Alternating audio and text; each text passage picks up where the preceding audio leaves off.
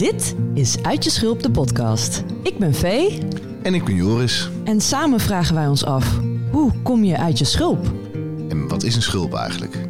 Wanneer ben je erin gekropen en wat heb je er ooit aan gehad?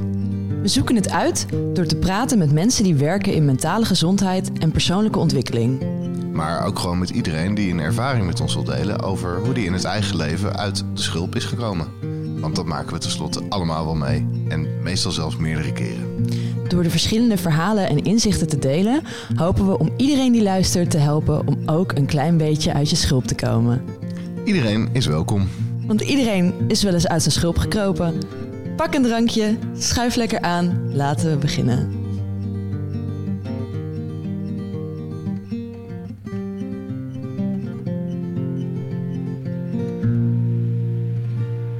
Welkom, lieve schulpdieren, eh, bij weer een aflevering van Uit je Schulp, de podcast. We gaan vandaag, eh, Joris en ik gaan met elkaar praten over eh, of de grootste vriend of de grootste vijand van de schulp.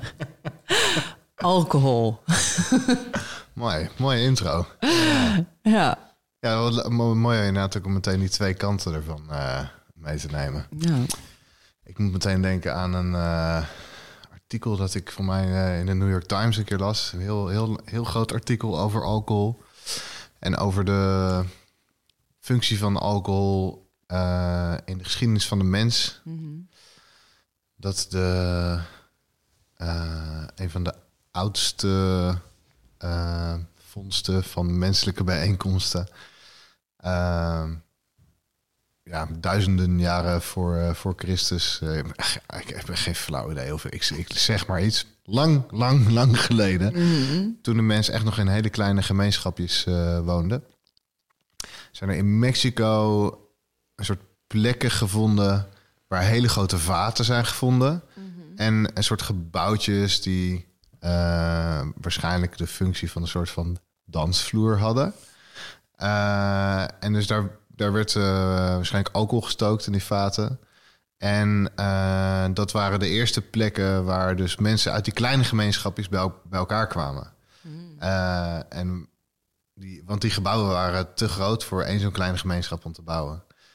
Dus daar moeten ze hebben samengewerkt. En alcohol heeft daar dus waarschijnlijk ook een functie gehad om jezelf vrij te voelen, veilig te voelen, verbonden met andere eh, communities. En, eh, en uiteraard je niet zo te schamen voor je rare danspasjes. Ja.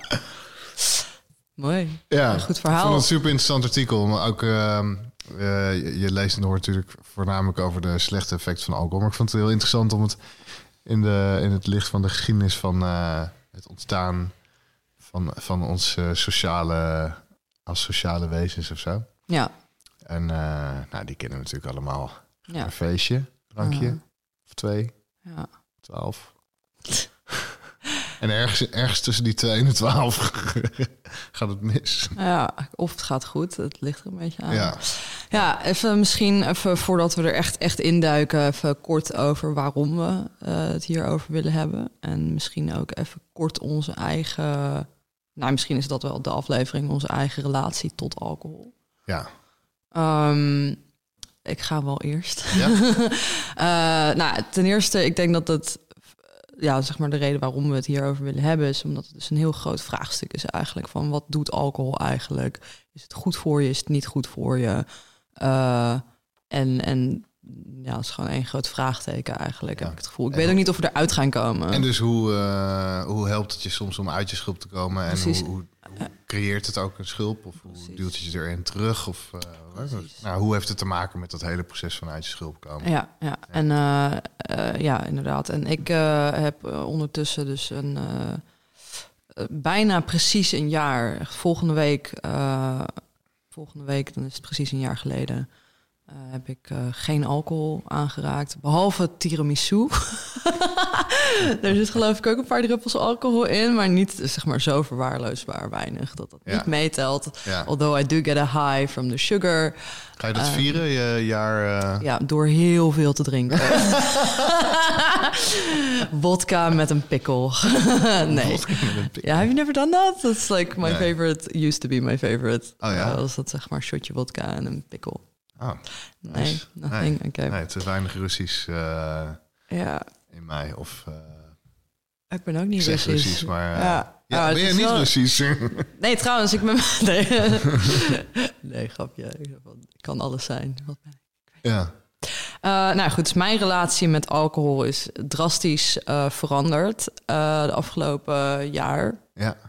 En mijn relatie met alcohol is eigenlijk voordat ik dus ben gestopt, was die heel ehm, eh, dysfunctioneel, Mhm. zou je het wel kunnen noemen. Dus ik, Ja. ik, ik heb eh, eh, ondertussen, nu ik dan terugkijk naar ook bepaalde dingen in mijn gedrag en zo, en, en in mijn bepaalde behoeftes en zo, en ik heb daar met andere mensen over gepraat. En er s- zijn wel een aantal dingen waarvan. ehm, ja, een soort van, oh, dat is eigenlijk best logisch dat je dat hebt of hebt gehad of zo. Want dat is eigenlijk toch wel een dingetje van dit of dat. Dus een van de dingen die bij mij eh, steeds duidelijker wordt, is wat voor soort invloed mijn ADHD eh, op mijn gedrag en dan vooral ook mijn, mijn relatie tot substanties heeft gehad. Hmm. Ik heb, eh, geloof ik ook wel in een vorige aflevering verteld, dus dat ik, ik ben verslaafd geweest aan speed. En dat gebruikte ik zodat ik mijn, ja, mijn brein gewoon kon, normaal kon functioneren. En toen kwam Ja. ik daarna dus erachter dat ik gewoon ADHD heb. En dus dat ik eigenlijk een soort van zelfmedicatie aan het doen was. ja. En, En- hoe, hoe, hoe werkt eh, alcohol daarin? Wat is dan het effect van alcohol op jouw zijn en gesteldheid als eh, Ja, ADHD? ja. Ehm, zeg maar, ten, ten eerste, eh, ik kan niet stoppen. Is, niet stoppen? Wacht, dat is niet waar. Ik, als ik iets doe, vooral dus zeg maar, en dat is dus waar de ADHD een beetje erin komt. En wat ik dus zeg, eerst dacht ik dus dat dat echt alleen aan mij lag. En ik heb dus met andere mensen die ook ADHD hebben over gehad. En dus bij bijna iedereen dat ze daar ook last van hebben. Dus, dus van ons, maar ook van ADHD. ja. Ehm, dus als ik een glaasje wijn drink, dan drink ik niet een glaasje wijn. Dan drink ik de rest van de avond wijn. Ja. Of dan drink ik de rest van de avond. Dus ik drink niet een soort van... Ja, het, het is heel moeilijk om dat in mate te doen of zo. Ja. Niet even gezellig bij het eten een glaasje of twee. Ja, zeg maar, dan, dan is het gewoon... Oké, that- that's what we're doing now. Dus dan drink ik gewoon de rest van de avond, Ja. drink ik dan. En Ja. dat is gewoon... Er is geen stopknop, zeg maar. Ja. Zo van, nou, nu heb ik wel genoeg gehad. Van, nee, this is what we're doing, so we're doing it until it's done, zeg maar. Ehm, en, eh, en dat is dus blijkbaar iets wat, wat dus een beetje een ADD-dingetje is, zeg maar. Als je echt erin gaat, dan ga je er helemaal in. En eh, ik heb bijvoorbeeld dat ik eigenlijk eh, ook altijd soort van standaard drinken met dronken zijn associeerde. Ja. Dus ik dronk nooit, zeg maar, gewoon voor de gezellig. Ik dronk ook gewoon altijd zodat ik dronken was. Ehm, en wat het mij dan gaf, was een soort van... Ja, dat ik me niet de hele tijd hoefde te verontschuldigen of zo. Mhm. Voor dat ik luid en raar en... Ja, raar ben. en... ehm, en, eh, ehm, en ik had ook, en dat is ook weer een dingetje. Ik had een soort van in mijn hoofd ook vaak het gevoel van bepaalde soort feestjes of bepaalde soort gelegenheden. Daar moet je drinken. Dus daar ga je heen en dan moet je daar drinken, omdat ik dat een soort van mee had gekregen van dan weet je wel films of gewoon sowieso ehm, eh, verhalen die mensen vertellen of wat je een beetje ziet van je gaat een soort patroon maken in je hoofd van dit moet hier en dit moet hier en dit mag hier wel en dit mag hier niet. En het werd een soort van ding van ja, daar moet gedronken worden, dus dan moet je dat ook doen. Mhm. Eh, dus het was ja, een beetje van eh, een soort van in mijn hoofd was dat dan hoe de wereld werkte of zo. Mhm. En eh, ik ben een, een raver. Ik hou heel erg van, eh, van techno en eh, van feesten en van dansen vooral. En gewoon Mhm. muziek is echt een van mijn favoriete dingen die er bestaat. Denk Ja. ik wel. Muziek is echt mijn leven. En ehm, eh, ja, en ik had dus op een gegeven moment dus het idee dat ik alleen maar uit mijn dak kon gaan als ik dus iets op had. En Ja. dan, ehm, Als het dan geen drugs was, dan was het wel alcohol.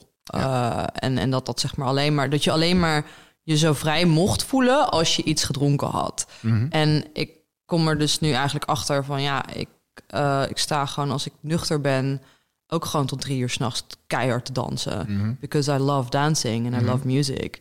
Dus het heeft helemaal niks met die. Zeg maar, ik denk dat het eerder een, een soort van. eh, dat ik er dus nu achter ben gekomen dat ik die staat van zijn al had. Mhm.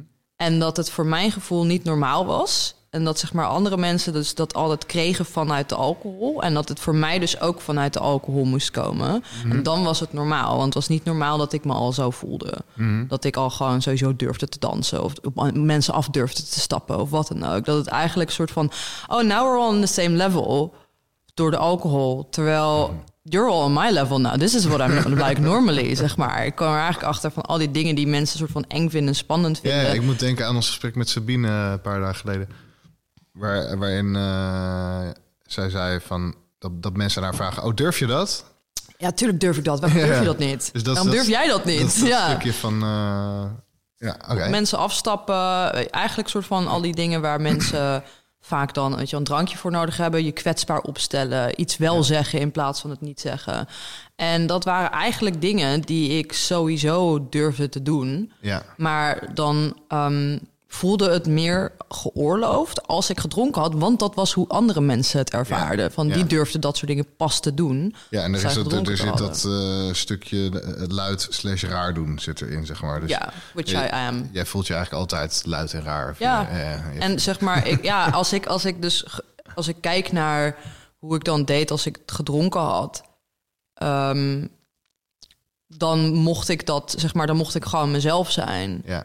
En mezelf kan gewoon heel baldadig zijn en mezelf kan gewoon heel ja, eh, luidruchtig zijn en, en gewoon fucking raar. En dat ben ik gewoon ook. En Ja. dat is helemaal niet erg of zo. En, ehm, en ik, ja, ik merkte dus dat dan... Ja, dat, dat ik eigenlijk dus mezelf permissie gaf... om dus een soort van normaal te doen... of gek, een beetje gek Wat, te doen. wat, wat is eigenlijk voor jou een fijne manier voor mensen of voor mij om daarmee om te gaan? Als ik voel, oh, pff, nu, wil, nu vind ik het wel even heel veel of luid. Ja. Wat, wat is eigenlijk prettig voor jou daarin? Hmm. Nou ja, ik heb sowieso nu misschien meer het gevoel dat ik, dat ik er zelf wel iets meer bewust van ben. Ja? Want vroeger was ik daar helemaal niet bewust van. Ja. En uh, are you trying to tell me to shut up? Ja, nu. Kan jij iets minder praten? Ehm, ja, ik denk uh, dat er een verschil bestaat tussen als iemand doet en even zo van. Oh, even. Ja, ja. Zeg maar, de een is met een glimlach en de ander is met een frons. En Ja. zeg maar. En gaat het, gaat het altijd ook ergens een beetje naar jou van... oh shit, ik ben luid en raar? Of, of is, het, is het altijd? Is, gaat die, gaat die sowieso altijd aan? Of? Soms, ja. Ja, Soms, ja. Ja. ja. En dus de lach, Vaak. de lach minder zelf. Vaak wel, ja. Ja dus als iemand, zeg Maar de, de lach is, is misschien sowieso in het contact fijner. Eh, maar dat zegt nog niet dat het bij jou altijd goed landt. Begrijp ik het dan goed? Nou ja, het ligt heel erg aan wat voor soort eh, context er is. Als het is omdat iemand anders zich ongemakkelijk voelt met hoe jij bent als persoon, omdat zij zichzelf die permissie niet kunnen geven. Ja, Ja. sorry, maar dan ga ik niet zachter doen voor jou. ja. Dat is jouw probleem. Ja. Not my problem. Ja, ja. Maar als het is omdat er, weet ik veel, ik was laatst bij een vriendin thuis en die heeft gewoon een heel gehorig huis. En ik heb een hele luide stem en Ja. ik kan gewoon echt even een soort van uitspatting maken. Dus ja, toen was het, "Shh, oh ja, oh ja, oh ja. Maar dan is het gewoon omdat het een hele logische, ja, je moet gewoon stil zijn. Het is laat 's avonds ja. en mijn buurman Ja, probeert ik merk te het slapen. met jou is gewoon in energie. Je hebt, eh, je hebt gewoon een, een onuitputtelijke energie. Ja, Nou, je bent ook wel eens op natuurlijk, maar soms. Eh, soms kan je gewoon veel meer of langer tijdens gedurende een dag op een hoger energieniveau zitten en veel praten. En eh, ik denk dan wel even van, oh, ik wil, ik wil even nu even stilte of zo. Maar en ik besef me nu in dit gesprek dat ik dat, eh, dat ik dat dan niet zo snel zeg. Of ik denk niet zo vaak heb gezegd nog tegen je. Dus ik was wel benieuwd hoe, hoe, eh, hoe, hoe doen we dat met elkaar? Ja. Ja, Ja, en, en, en het is ook interessant dat je dat zegt, want ik eh, merkte dat bijvoorbeeld bij de eh, live evenement op. Eh, we hadden natuurlijk net twee uur zitten praten met vier gasten, wat gewoon echt best wel heftig is. En toen Ja. daarna nog met 17 man nabesproken, of een Ja. nakletsen. En ik zag jou eigenlijk daarna, eh, ik zag jou kletsen met mensen. En ik Ja. dacht echt, hoe de fuck doe jij dat? Oh ja. Ik moet echt even niemand zien. Ik ben even expres gaan zitten roken ergens. Gewoon Ja. zo van, nou jongens, ik eh, rook niet meer, maar ik ga nu wel even. gewoon zodat ik even ergens, ja. En ik heb eigenlijk tot, tot, tot heel lang daarna gewoon een soort van, echt een soort van blokkade gehad. Van, ik kan niet meer praten, jongens. Ja. Mijn batterij is Ja. leeg. Ik eh, moet even op. En pas later, toen de meeste mensen alweer weg waren, toen kon ik ineens wel weer eh, praten. Ja. Want hoe, hoe ervaar jij dat? Nou, wat ik denk ik, wat ik denk ik doe, als ik eigenlijk een soort van voel, oh, ik heb een beetje rust nodig, is dat ik minder op je inga. Mm. En dat is eigenlijk niet een eh, besef dat het eigenlijk niet een heel prettige manier is. Ja, Want dat voelt meer als negeren. Terwijl ik zou dan eigenlijk gewoon even moeten vragen. Of gewoon moeten zeggen, oh, of gewoon even wat ruimte nemen voor mezelf, letterlijk of wat dan ook. Dus dat voelt als de meer, eh, eh, ja, gewoon fijne, lievere, lievere en eh oké manier om het te doen, denk ik. Ja. Ehm, hoe is dat voor jou? Ehm, ja, ik denk dat ik dat ook wel doe. Ja. Maar als- hoe, hoe ervaar jij dat bij, vanuit Oh. mij, zeg maar? Hoe, hoe- Ja, ik. ehm,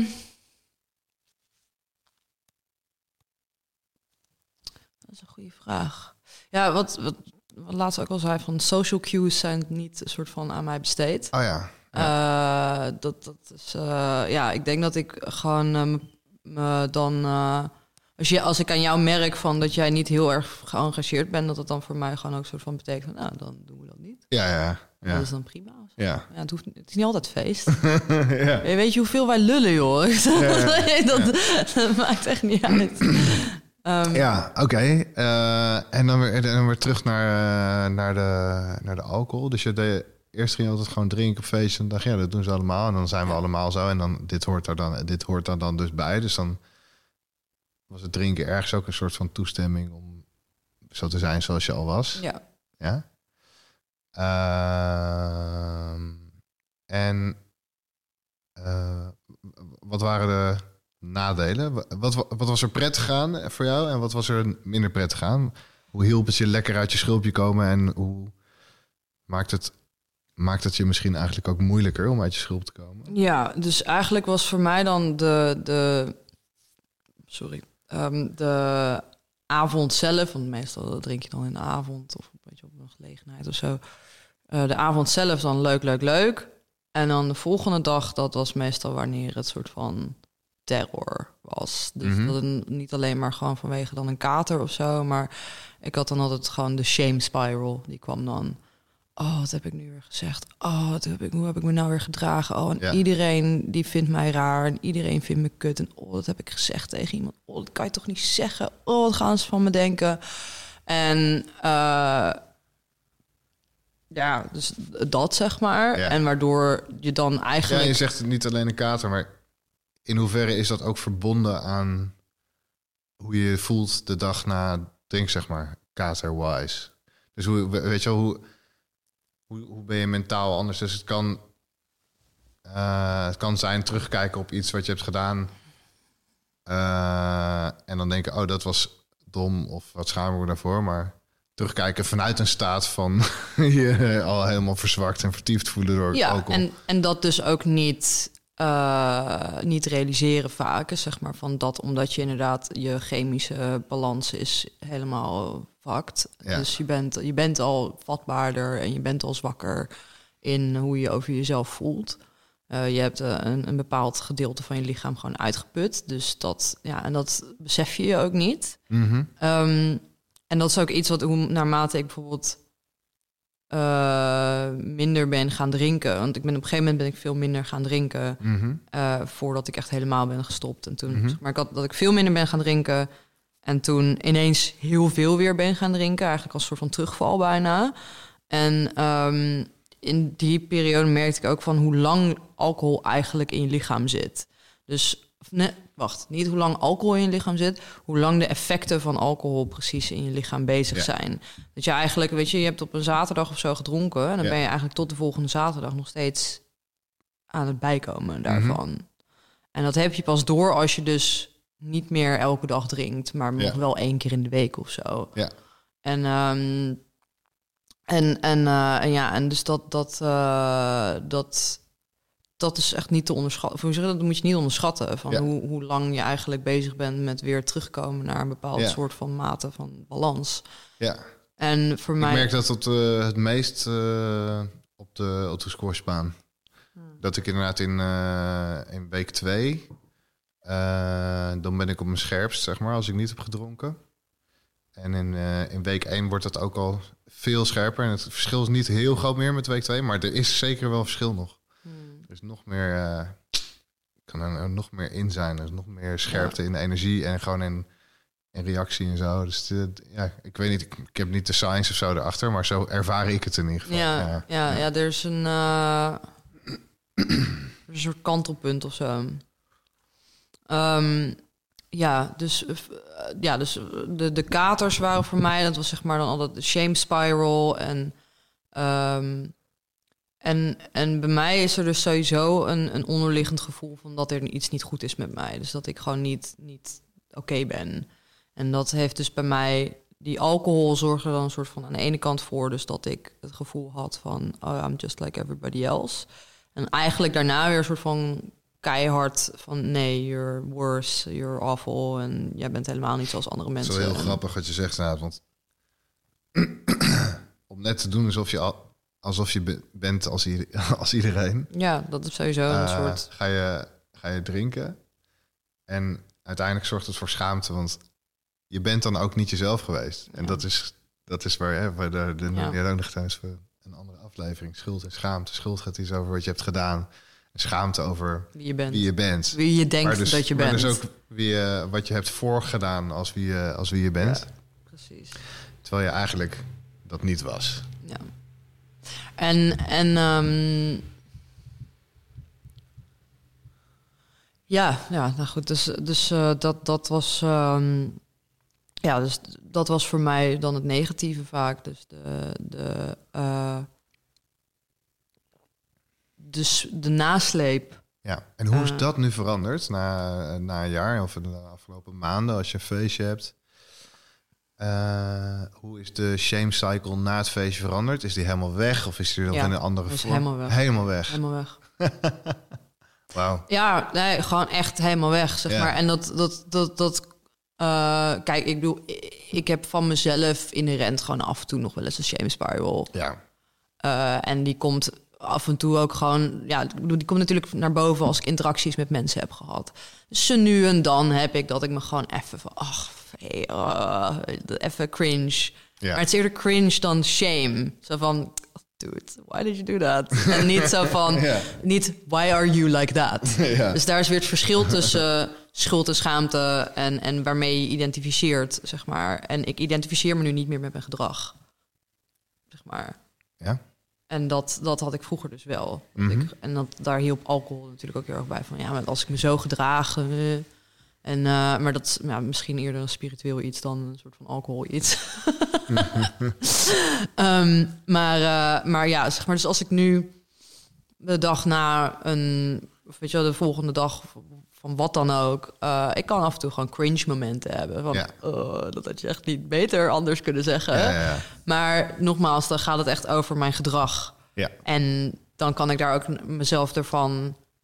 Ik kan dan naar mezelf kijken van, oh, dat is gewoon iets wat je hebt gedaan. Dat, dat zegt niks over jou als persoon. Ja. Terwijl met alcohol en ook misschien de persoon die ik toen was, ehm, ja, ik kon dat niet los van elkaar zien. Mijn gedrag en wie ik was waren één. En dat eh, zorgde ook gewoon voor dat het echt schaamtespiralen waren. ja. En dat, is- dat is dus nu veranderd bij mij. Heerlijk. Ja. En, en, eh, ehm, kan je er een soort van, misschien een heel gekke vraag, maar kan je er een percentage aan hangen hoeveel procent van je levensongemak voortkomen uit de shame cycle en hoeveel dus je oh ervan... my god, ik denk echt Oh, zo'n groot gedeelte kwam uit mijn shame.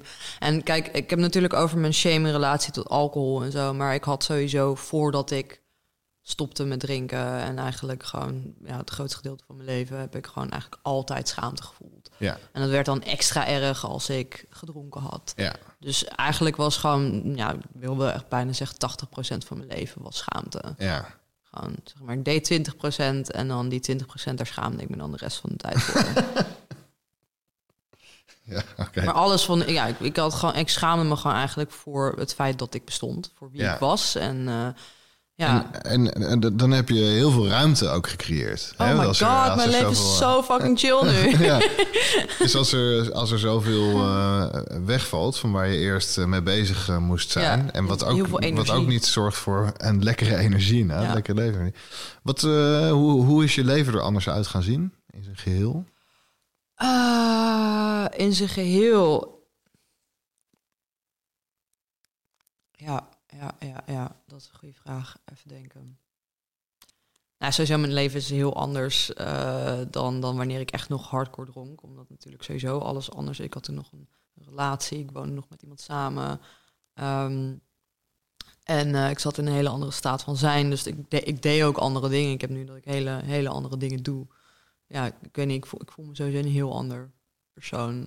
Eigenlijk bijna alsof ik niet meer dezelfde V ben. Aha. En zeker in het afgelopen jaar, dus dat ik ben gestopt met drinken, heb ik echt het gevoel van wauw, er is echt iets, iets veranderd in mij. Ik voel me veel meer mezelf. Mhm. En ik guess dat dat er dan uitziet dat ik. eh, nou ja, één ding waar ik dus bang voor was, was dus dat mijn sociale leven daaronder. En ik weet dat dat ook een ding is wat heel veel mensen zeggen. Van ik ben zo bang dat mijn sociale leven eronder gaat leiden. Ik kan bij deze bevestigen dat dat niet gebeurt if you don't let it. Eh, want ja, wat ik zeg, ik ben er gewoon achter gekomen. I'm a party girl. Gewoon. Ik hou van feestjes. Ik hou Mhm. van gezelligheid. En ik hou van dansen vooral. En, ehm, en muziek. Dus ik ga gewoon nog steeds naar plekken toe waar er gedanst wordt. En ik ga nog steeds uit. En ik ga nog steeds leuke dingen doen. Ehm, en als iedereen dan eh, shotjes neemt of zo, dan neem ik een, eh, een snoepje. Mhm. En dan, eh, ja, weet ik veel. Dan ga, ik heb meestal letterlijk een disco biscuit op zak. Dus dat ik gewoon met een koekje rondloop. En dan van die hele grote knoeperts van die eh, witte chocolade eh, American cookies. Ja. Zeg maar. En dan, ja, dat is echt mijn fuel gewoon. En dan sta ik daar gewoon op de dans lekker een koekje te eten. Oh, om eh, één uur s'nachts om even mijn sugarpijl eh op te krikken. Zodat Ja. ik nog even een uurtje kan dansen. Ja. Ehm, dan heb je de volgende dag een kater van de suiker. Maar niet de shame cycle. Maar niet de shame cycle, want ik ben gewoon bij mezelf gebleven. En ik Ja. denk dat dat zeg maar eh, een ding is, is ik ben er nu achter gekomen dat ik eigenlijk best een eh, leuk mens ben af en toe. Mhm. Gewoon af en toe best. eh, en dat ook mijn luidheid en mijn gekheid, dat dat eigenlijk ook gewoon mag. Dat Ja. het er ook gewoon mag zijn. Ja. Sterker nog, dat als ik het niet ga eh, forceren, hoe zeg je dat? Als ik het niet ga forceren om het te verbergen, en maar het Ja. gewoon af en toe een plekje mag geven, Ja. dat het ook niet zo extreem is de Ja. hele tijd. Dus dat het gewoon veel gematigder, eh, omdat het er gewoon mag zijn. Mensen denken vaak, oh, als ik nu het deurtje openzet, dan gaat er iets doorheen stormen en dan houdt het nooit op. Terwijl als je het gewoon het deurtje openzet, ehm, dan misschien is eerst in het begin even een soort vloed, maar dan daarna komt er gewoon een soort van steady balans in. Ja. thanks. Ehm, Hey, en ehm, hoe, heb je, hoe heb je dat besluit genomen om te stoppen met drinken? En hoe eh, is het je gelukt om dat ook te doen? Ja, want ik ben meerdere keren ben, heb ik zeg maar op het punt gestaan. Ah. Ik heb meerdere keren geprobeerd ook. Ik Ja. heb zeg maar al sinds. eh, Als je iets ja, probeert, dan lukt het ook niet. Hè? Ja, sinds mijn 24ste of zo. En ik ben nu 31. Dus Ja. ik, denk dat ik al sinds die tijd wel gewoon, eh, wel gewoon meerdere keren een poging heb gedaan. En dan, Ja, en dus ook al die jaren hebben rondgelopen met het idee... ik Ik- zou hier anders mee om willen gaan. ja, van, Ja. dan kon ik maar, kon ik maar. Ja. En ik heb één keer, de langste tijd dat ik niet heb gedronken voordat ik hier ben gestopt, was geloof ik ook een jaar of twee jaar of zo. Dat was om Ah, ja. Mijn achttiende, geloof ik. Ja. Ja, zeventiende, achttiende, zoiets. Ja. En toen eh, ben ik op een gegeven moment zeg maar echt ja, heel heftig wel weer gaan drinken. Echt zeg maar gewoon like, door de week in mijn eentje s'avonds als ik thuis kwam, toen was ik heel eenzaam. En toen had ik een soort raar romantisch idee in mijn hoofd van dan moet je jezelf bedwelmen. En Mhm. schilderen terwijl je dat doet. En dan in je onderbroek door de woonkamer heen eh, eh, schilderen en dansen op muziek. En ik weet niet, het was een heel ding. Mhm. Ehm, maar ehm, eh, wacht even hoor, ik ben even het verhaal kwijt. De, de, vraag was, eh, eh, hoe heb je de beslissing genomen? Oh ja, ja. En dus hoe is het gelukt? Ja, dus, want dat is inderdaad het ding. Dus je was Ik- daar in de achtergrond mee bezig. Ja, ik was daar eigenlijk al mee bezig van ik moet er echt mee stoppen. Het is niet goed voor me. Mijn lichaam kan het ook helemaal niet aan. Dat soort dingen. Ik merkte het gewoon echt, zeg maar, van ook met katers en zo. Dat ik gewoon echt zoiets had het is echt zo'n aanslag op je lichaam. Want ik dronk dan niet een beetje. Ik dronk gewoon echt veel. Gewoon als er, als er iets te drinken was, ik dronk het op. Mhm. Ik vond het altijd heel erg indrukwekkend als mensen dan, weet je wel, van die flessen met alcohol in hun huis hadden, die dan, zeg maar, altijd meegingen. staan, Die ja. daar gewoon ergens staan. Zo van, als er is, ik drink het op. Dat heb ik ook nooit begrepen. How are, how are you holding on to that shit? Van als er is, ik drink het op. Ja, sorry, maar ja. En ehm, eh, ja, dus ik heb meerdere keren gehad dat ik dan zei van ja, ik moet stoppen, ik moet stoppen. En, eh, en taal is hier best wel belangrijk. Zeg maar, ik moet stoppen, ik moet stoppen. En dus dat ik dan ook zei van ja, ik probeer te stoppen en ik, eh, ja, ik doe, ik, ik wil het, ik wil het niet meer doen of ik, ja, ik probeer het niet te dus doen. ik probeer maar een beetje. Precies. En dan, nou, dus zeg maar, en dan meestal was het dan zo dat dan gingen mijn. Want ik heb ook best wel voor mij drinken was ook best wel geassocieerd met schrijven. Ik had zeg maar letterlijk eh Hemingway's een eh, quote als, als mijn levensmotto: zo van write drunk, edit sober.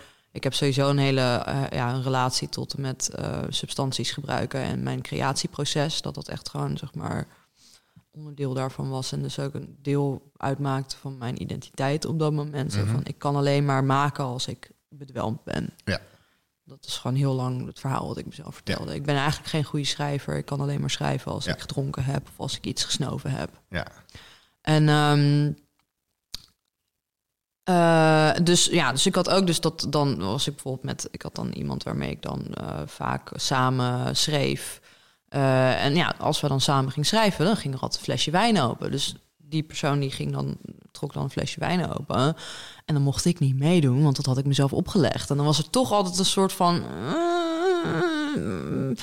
En eh, dus ja, eigenlijk heel vaak, eh, dus op dat soort momenten dat dan. En vooral dus als het dan in combinatie met schrijven was en zo. Mhm. Dus eigenlijk helemaal niet per se voor de sociale dingen, maar echt Mhm. met, met schrijven. Ja.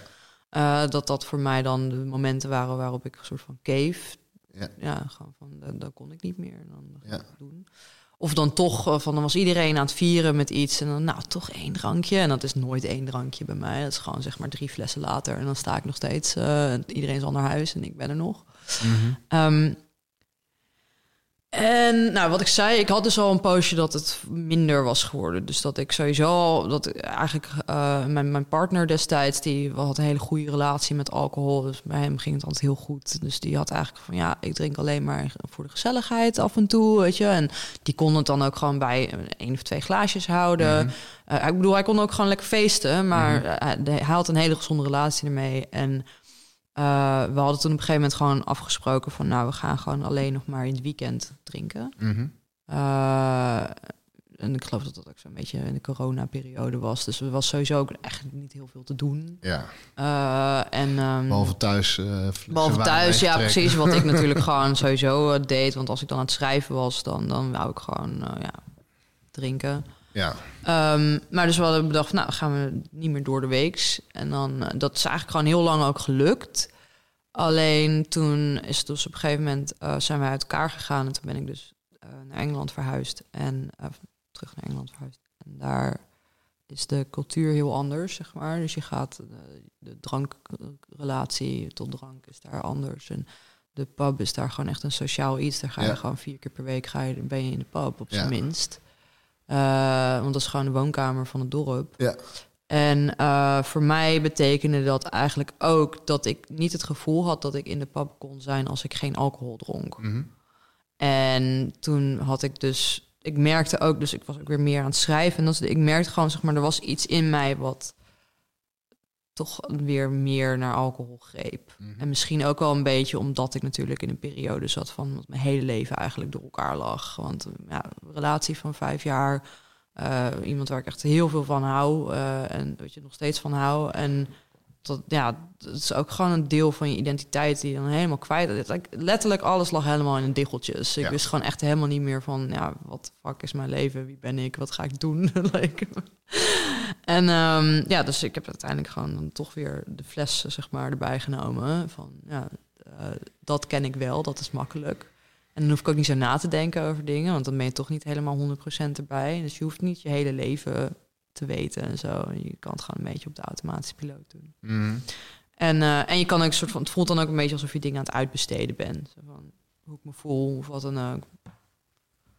Maakt niet uit, want ik hoef het toch niet te voelen als ik. Ja. Als ik uh... En, en dus het is aan de ene kant het beeld van de kunstenaar die dat gewoon die dat nou eenmaal doet en die Ja. en sterker nog het nodig heeft Ja. en wiens leven het wordt en dan, en dan ook nog eens van eh, op dat punt in je leven de, de kunstenaar met liefdesverdriet, de, Ja. kunstenaar, de, de kunstenaar die aan het lijden is zeg maar. Of zo. ja. En, en, Ja. en het En- en- moment. oh ja. Eh, Want je vroeg word je dan ook soort van word je dan ook soort van dat mens? Ja, daar komen we, daar komen we. Word je dan ook ga je dat ook helemaal dan zo belichamen dat je die kunstenaar bent en en hoort daar ook een soort van houding bij en, en kleding misschien zelfs wel. Of, eh, Ehm, bepaalde dingen die je zegt. Nou, ik denk omdat ik mezelf in die tijd gewoon ook nog geen... Ja, zeg maar, ik, ik durfde mezelf geen kunstenaar te noemen. Ja. En ik vond mezelf meer een aansteller dan dat ik mezelf een kunstenaar Mhm. voelde. Ik heb wel altijd heel erg die ident- identiteit ge- eh, geprobeerd te belichamen van ik ben schrijver. En schrijvers zijn gewoon fucking raar. Like they're basically psychopaths, maar Mhm. dan soort van sociaal geaccepteerd. en eh, eh, because we make stories, zeg maar. ik het brein van een schrijver is like one of the most dangerous places. Ehm, maar ja, dus dat misschien op die manier, zeg maar. Ja. Van ja, ik ben, ik, ben, ik ben nou eenmaal een schrijver. En ik ben, dus zeg maar, ja, misschien ook inderdaad een soort van toe-eigenen en een Ja. soort entitlement van Ja. ik mag me zo gedragen, want ik maak daar iets van. Ik maak daar iets van en dat, dus dan mag dat of zo.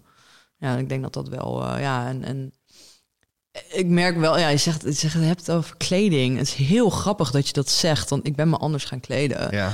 Eh, ik heb eigenlijk een hele lange tijd het gevoel gehad dat ik me soort van naar de wereld moest kleden. En dat sinds ik dus eigenlijk ben gestopt met drinken, kleed ik me heel anders. Aha. Kleed ik me echt veel meer gewoon echt van ik denk van ja, dat is echt hoe ik echt ben. Aha. En ik heb daarvoor, weet je, dan had ik altijd een soort van ja, een soort mix tussen wat ik dacht wat dan netjes was, maar dan toch een beetje een soort van klein beetje artsy. Dus dat was dan ja, meer een van jaren 80, 80 business casual, zeg maar. Ik had Ja. letterlijk dat ik gewoon op een gegeven moment soort van obsessed was met Miami Vice. Van dat ik gewoon als een vrouwelijke Sonny Crockett er daaruit wilde zien. Ja. En, eh, en dat dat zeg maar mijn schrijverskostuum was ook. Van dan ben ik nog wel een soort van. Ik kan me dan overal inblenden. En dan, maar dan zien mensen me niet mijn echte persoonlijkheid. Maar wel een beetje, omdat het dan heb ik nagedacht over wat voor soort era of weet ik veel. Like dat, Mhm. Zoiets. En nu is het gewoon. Ik kleed me gewoon zoals ik zin heb. Eigenlijk. Ik, ik draag ook kleur weer. Dat is Ja. ook een ding. Ik heb echt jarenlang dat ik gewoon altijd alleen maar zwart droeg. Ja. Dat was dan ook mijn ding. Ja. Dat ben ik. En nu draag ik alles waar ik zin in heb. Ja. Mooi. Cool. Ja, Oké, en terug, dus naar, je- terug naar je het, punt. Het Ja. moment. Eh, het moment kwam dus, ik, ja, wat ik zeg, ik was dus eigenlijk weer gewoon ineens vier dagen, vijf dagen in de week aan drinken, zonder dat ik daar eigenlijk echt erg in had. Mhm. Ik was heel erg onbewust bezig. Ik was echt een soort van echt uit afreageren bijna. Zo van, eh, Mhm. eh, ja, gewoon ik wou niet zijn waar ik was. Ik wou niet met mijn gevoel zijn. En toen ben ik, het was een weekend. Ik weet het dus nog heel goed. Het was 20 mei 2022. Toen zijn we, ben ik uitgenodigd voor een verjaardag van een kennis van me. En eh, nou, zeg maar gewoon met z'n allen uit eten. En dan weet je wel, iets met 30 man of zo eh, bij de India's eh, zitten eten. En nou, zeg maar wat mensen doen in Engeland is als je uit eten gaat. Dus je bent er niet voor het eten, je bent er voor de drank. Oké. nou ja, gewoon social occasions in Engeland. Gewoon ja, hoeveel heb je... Like, it doesn't matter how much food there is. Het gaat erom hoeveel drank er is. Like, drinken is gewoon meer belangrijk dan het eten. Ehm, nou, dus begon met een drankje, nog een drankje, nog een drankje. Toen uiteindelijk waren we dus eh, na het eten zijn we uitgegaan. Toen begonnen de shotjes. Eh, en nou, bij mij zeg maar, als je dus tequila uit de kast haalt, dan gaat het sowieso helemaal mis bij mij. Like, Mhm. Dat wist ik eigenlijk ook wel een beetje van mezelf. Maar ik wou ergens ook wel een soort van heel losbandig en baldadig me voelen. Want ik had echt zoiets van, eh, het moet er allemaal uit of zo, weet ik veel. Mhm. En eh, nou goed, zeg maar, het begon op vrijdagavond en op eh, zaterdagavond waren we nog steeds wakker. En ik was dan met een heel klein teampje van mensen die dus zeg maar ook nog tot het gaatje zijn gegaan. Ja. En ik heb me zo misdragen. Gewoon Ja. echt, echt dat ik dan de volgende dag wakker werd en niet alleen maar de shame spiral had van die ik dan normaal had, maar dat ik echt dacht van, dit zijn, wie is dit? Wie is dit? Mhm. What the fuck, joh? Ben jij dit? Ben je echt deze persoon? En, eh, en wat, wat doe je jezelf aan, joh? What the fuck? En toen had ik dus de volgende dag dat ik... ehm er zijn ook nog allemaal dingen gebeurd op dus de dag dat ik eigenlijk soort van aan het uitbraken moest zijn. Waardoor het soort van extra erin gevreven werd. Eh, ik werd eigenlijk gewoon, zeg maar, het huis waarin ik destijds logeerde, ben ik uitgezet Mhm. basically. Zeg maar niet meteen, maar zo van ja, we kindly ask you to please fuck off. ja, ja. Gewoon, en het was dan door mensen die ik eigenlijk al best wel lang kende. En, eh, want, eh, nou goed, en dat dus als consequentie ook van, van dus mijn gedrag van het weekend. En zij waren daar niet bij, maar ze vonden het gewoon niet, niet relaxed. En ik bedoel, ze zaten ook helemaal in de right. Ik bedoel, dus geen kwestie, geen twijfel over. Maar ja, zeg maar, het werd er gewoon echt flink, zeg maar... eh, ik weet niet meer waar ik dit nou gelezen heb, maar ergens is zo van, ja, wanneer, wanneer maak je nou een move? Ja, when it hurts enough. Mhm. En eh, it, it hurt gewoon, it hurt so much. Mijn eigen gedrag heeft me gewoon echt flink in elkaar getrapt, zeg Ja. maar. Ja. En het voelde echt van, je kan nu twee dingen doen. Je kan doorgaan. En dan gaat dat voor de rest van je leven ga je zo voelen. Mhm. Of je kan nu gewoon zeggen, ik ben niet zo en ik ga iets anders doen. Mhm. Want als je nu hetzelfde blijft doen, dan ga je alleen maar hetzelfde krijgen. Mhm. En toevallig had ik dat ik zeg maar dus op die dus op zondag toen toen was dus alles kut en toen maandag toen eh, ben ik dan naar mijn eh, ja zeg maar mijn place of work soort van gegaan en toen had ik toevallig dat ik daar een aflevering van ik denk de holistic psychologist eh, podcast aan het luisteren was waar Gabby Bernstein te te gast was. En het is Mhm. echt zo'n gevalletje van precies op het moment dat je iets moet horen, komt Ja, het ja. voorbij. En zij vertelde dus over haar eigen eh, relatie met, met dus, eh, nuchterheid. En eigenlijk dus wat het voor haar betekende en wat het voor haar gegeven heeft. En eigenlijk dus hoe, ja, hoeveel ze eraan gehad had.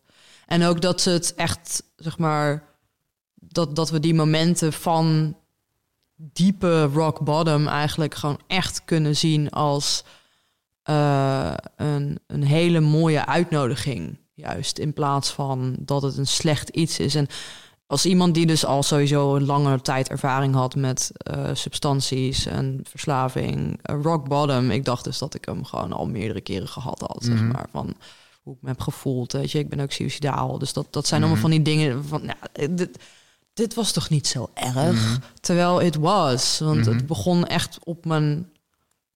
Ja, het begon in mijn ziel te kruipen, merkte ik. Ik merkte er was iets. Er was iets aangeraakt wat gewoon zei: nee, we, gaan Mhm. dit, we kunnen dit niet meer doen. If you do this, you, you're killing us. En dat was niet mijn lichaam of zo, maar het was gewoon echt: ja, you're gonna kill us. En eh, ja, en zo voelde het dus voor mij gewoon echt eh, stoppen of, eh, of doodgaan.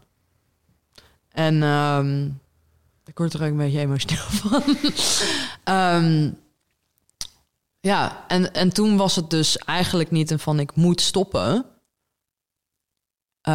Ik, ik wil niet meer. Mhm. Dus zeg maar dat moeten en ik... Want vroeger had ik dus altijd van ja, ik moet stoppen, ik moet stoppen. Maar ik wil eigenlijk nog. Ja. Ik wil eigenlijk gewoon nog. Ja. En ik merkte gewoon, ja, ik was er gewoon echt klaar mee. Ik Ja. wou het gewoon niet meer. Ja. Zoiets van, ja, er moet een andere manier zijn. Het kan, het kan bijna niet dat dit, dat dit de enige manier is voor mij om Mhm. te zijn wie ik ben. Mhm. Het moet een andere manier zijn. En dat is eigenlijk een beetje ja, hoe, hoe het gekomen is. En just stuck. Mhm. En mensen zeiden zo van, ja, hoe lang dan? Ik zei, ja, zolang als het me gaat lukken. Ja. Oké, maar... oef, Dat is, dat, eh, de- ja. dat, is, dat, is, dat, is zo'n, eh, dat is zo'n leuke vraag inderdaad.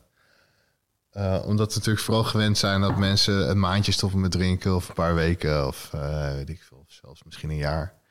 Maar we kennen weinig mensen die permanent hebben besloten om te stoppen met drinken.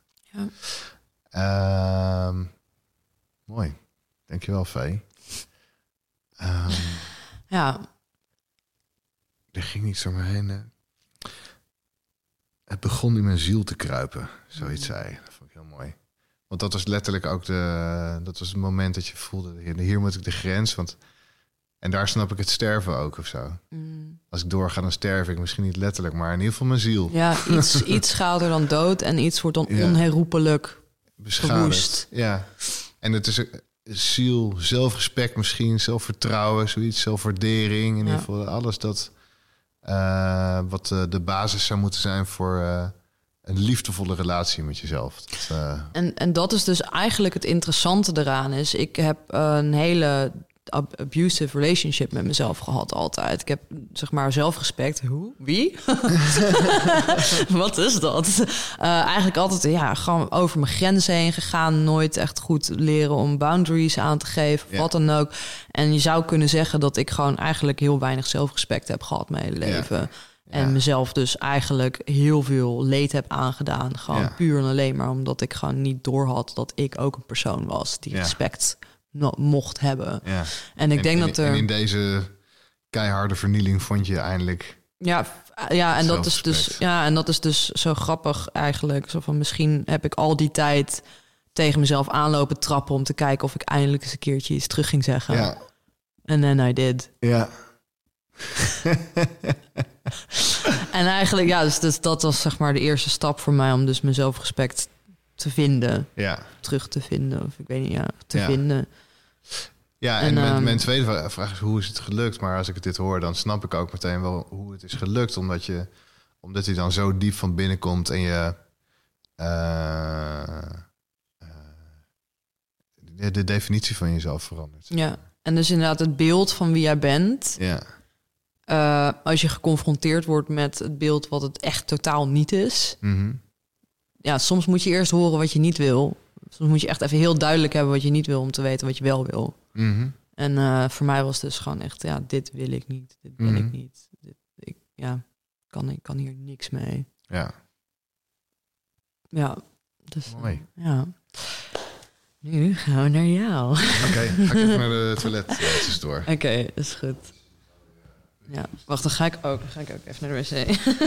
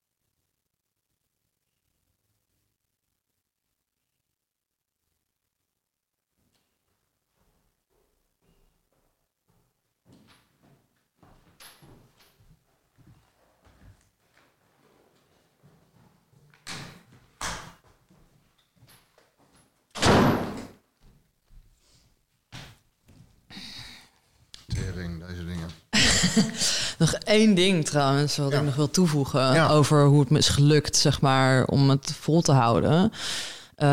Eén ding eh, was dat ik. ehm, als mensen vroegen van, eh, oh, wat wil je drinken? En dan zei ik, eh, weet ik veel, eh, soda of zo. En dan was oh, eh, geen eh, drink. Zo, nee, ik drink niet. Mm. Ja, En dan niet, ik drink niet meer, maar gewoon, ik drink niet. ja, Eh, want dat, ja, zeg maar, alsof je het dus al ja, bent. Zeg maar. Ja, dat heeft me echt heel erg geholpen. Gewoon, ja, nee, ik drink niet. ja. Oh, oh, oh, hoezo? Hoe lang al? Zo van, ja, sinds gisteren. sinds eergisteren. Want ja, nu tien dagen. Oh, wauw, oké. maar zo, het is een hele andere, heel ander iets dan ik drink niet meer. Zeg maar, gewoon, Ja. ik drink niet. Punt. Ja. Ik ben iemand die niet drinkt. ja. Dat heeft me heel erg geholpen. Ja, dat gaat heel erg over die definitie van jezelf. Ja, precies. En zeg maar gewoon, ja, doe. Want uh, ik probeer niet te drinken. Dat is zeg maar, dan then you're setting yourself up to fail, basically. Ja, Eh, ik drink niet meer. Dat lokt vragen uit. Oh, waarom dan? Gaat je helemaal geen reet aan. Ehm, en eh, nou ja, trouwens, ik heb ook wel vaak genoeg geantwoord met eh, als mensen dus dan toch vragen van, oh, en eh, waarom ben je dan gestopt met drinken? Als ik dan zei van, oh, ik drink al tien dagen niet meer, ik drink al twee weken niet meer. Ehm, zo van, ja, ik dronk te veel. ja, het is heel simpel. Ik dronk te veel. Eh, het, lukt, ja, het lukt mij niet om, niet eh, om een normale manier te drinken. Dus ja, dan niet. ja, Dus dat wou ik nog even toevoegen. ja. Mooi. Wat mij heeft geholpen. Ja. Ga naar jou. Ja. Hoe is jouw, wat is jouw relatie met eh, alcohol? Mm, ja, even. um, Kijk eens, een lang, lang en groot verhaal. En ehm, ik denk dat ik dan. eh, misschien begin ik wel met blowen. Want daar begon ik, eh, denk ik, als jong, iets jonger mee. En eh, zo ergens in de 10, 14, 15 of zo, denk ik. Ja. En ehm, eh, heel fanatiek. Dus gewoon lekker dagelijks met vrienden. En, op een gegeven moment ging ik bij de Albert Heijn werken. En toen er waren er ook in het weekend altijd al drankjes bijgekomen. En dat is op zich ook hè, niet heel abnormaal of zo, denk ik, voor de, voor de meeste tieners. Ehm, eh, alleen, ja, ik weet niet. Ik had er altijd wel een. eh, voor, alcohol had ik altijd wel een, een ding mee. Ik vond het gewoon heel, heel lekker altijd. Mm. En toen ik bij de Albert Heijn werkte, ging ik ook altijd. ehm, eh, ik werkte dan s'avonds en dan ging, werkte hij tot eh, sluit. En dan Ja. moest je door het magazijn naar buiten. En dan ehm, ging ik eh, de, eigenlijk altijd iedere dag dat ik daar werkte, dan, sta- dan pakte ik een fles wijn uit een kist en had ik een fles wijn. En ehm, dus ik ben, ik ben heel jong eraan gewend om gewoon structureel superveel te drinken. Ja. Ehm, en die, gewoon die, die eh, soort van toestand van beneveling was dus gewoon echt een heel, eh, ja, een heel normale toestand. En ehm, had ook heel erg te maken met mijn hele persona, zeg maar, die ik, die ik toen cultiveerde. Dus personen met veel boosheid, veel. ehm, eh, ja, eigenlijk eenzaamheid, maar dan verstopt. En, eh, en ik, ik vraag natuurlijk niet voor niets naar kleding, hè, want ik ken het van mezelf. Dus hoe, hoe, hoe kleding daar een rol in heeft. Hoe je, hoe je een, een, een leren jackie kan hebben waar je die zo echt zo over je schouders kan trekken. En dan misschien nog met Ja. een hoodie waar, waar je zo helemaal in kan zitten en er al kan, kan, al kan uitstralen dat je een soort van ondoordringbare Ja. eh, eh, schild om, om je heen hebt of zo. Echt een armor. Ja. Echt een armor en zo. ehm, en liefst met eh, liefst altijd met koptelefoon en eh, eh, gewoon een enorme afstand altijd voelen tussen mezelf en mijn omgeving en ook heel lekker heel lekker vinden, weet je, mezelf Mm. ook in zekere zin zo'n soort van stoerder voelen, meer ja, ik weet niet, gewoon kwetsbaar of zo, maar ook maar ook gewoon totaal ongeïnteresseerd in in, eh, in de mensen in mijn omgeving, Eh, behalve dan vrienden. Eh, en zo. En ehm blowen was ik op een gegeven moment helemaal klaar mee. Eh, en eh, dat was ook al best jong. Dus ik denk dat ik... Dat was zo... Ja, toen ik nog op de HAVO zat ergens... In het ene laatste jaar of zo, denk ik. misschien 17, 18 of zo. En dat ik me besefte gewoon van ja, ik, ik, ik heb er eigenlijk helemaal geen zin meer in. Mm. Ik vind het. En eh, dat kwam redelijk gewoon, dat kwam redelijk resoluut zo. Kwam dat. En eh, toen ging ik op vakantie met, eh, met mijn broer en een vriend van ons. En was in Frankrijk. En toen dacht ik, nou, dat is mooi, want dan ga ik, als, weet je wel, dan ga ik niet. voor mij ging ik daar toen ook al niet meer blowen op die vakantie. En dan dacht ik, ja, als ik terugkom, dan ga ik ook niet, niet meer iets kopen of zo. Mm. En dat was gewoon heel duidelijk. Dat was gewoon. eh, en dus in die zin ook makkelijk, omdat het. eh, ja, ik denk ook gewoon die beslist. Die, die, die, die ging over diezelfde ding. Ja, ik ben, ik, vind, ik ben eigenlijk niet iemand die dat nog leuk vindt of lekker vindt om te doen. Dus het was heel helder en dus ook heel makkelijk. En de meeste van mijn vrienden bleven wel gewoon blowen. Maar ik vond, ja, ik vond dat prima of zo. Geen probleem mee. En ehm, eh, drinken ben ik gewoon blijven. Drinken heeft mij ook heel veel... eh, eh, dus het is wel interessant over die, hoe jij de intro deed. En, en het artikel dat ik aanhaal. Dus de eerste prettige herinneringen met drinken zijn gewoon op vakantie met vrienden op de Schelling. En weet je wel, de eerste vakanties als kind. En dan de hele vakantie biertjes kunnen drinken van s ochtends tot s avonds. En, eh, en eh, ongegeneerd met meisjes kunnen flirten en praten Mm. en zoenen en wat dan ook, weet je wel. Ja. Eh, en dat was echt een, een, een totale ontdekking van mezelf. En uitgaan en dansen. En ik, ik kwam iets tegen in mezelf. Waarvan ik niet zo. Dat had, nee, dat had niet eerder een plek gehad in mijn leven.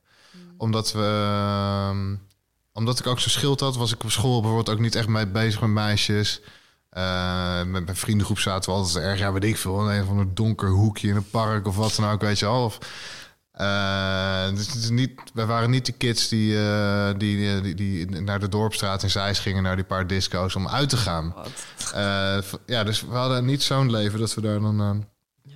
dus op die vakanties kreeg ik voor de eerste plek en merkte dus ook enorm hoe fijn alcohol daarin, eh, daarin is. Gewoon echt geen gêne.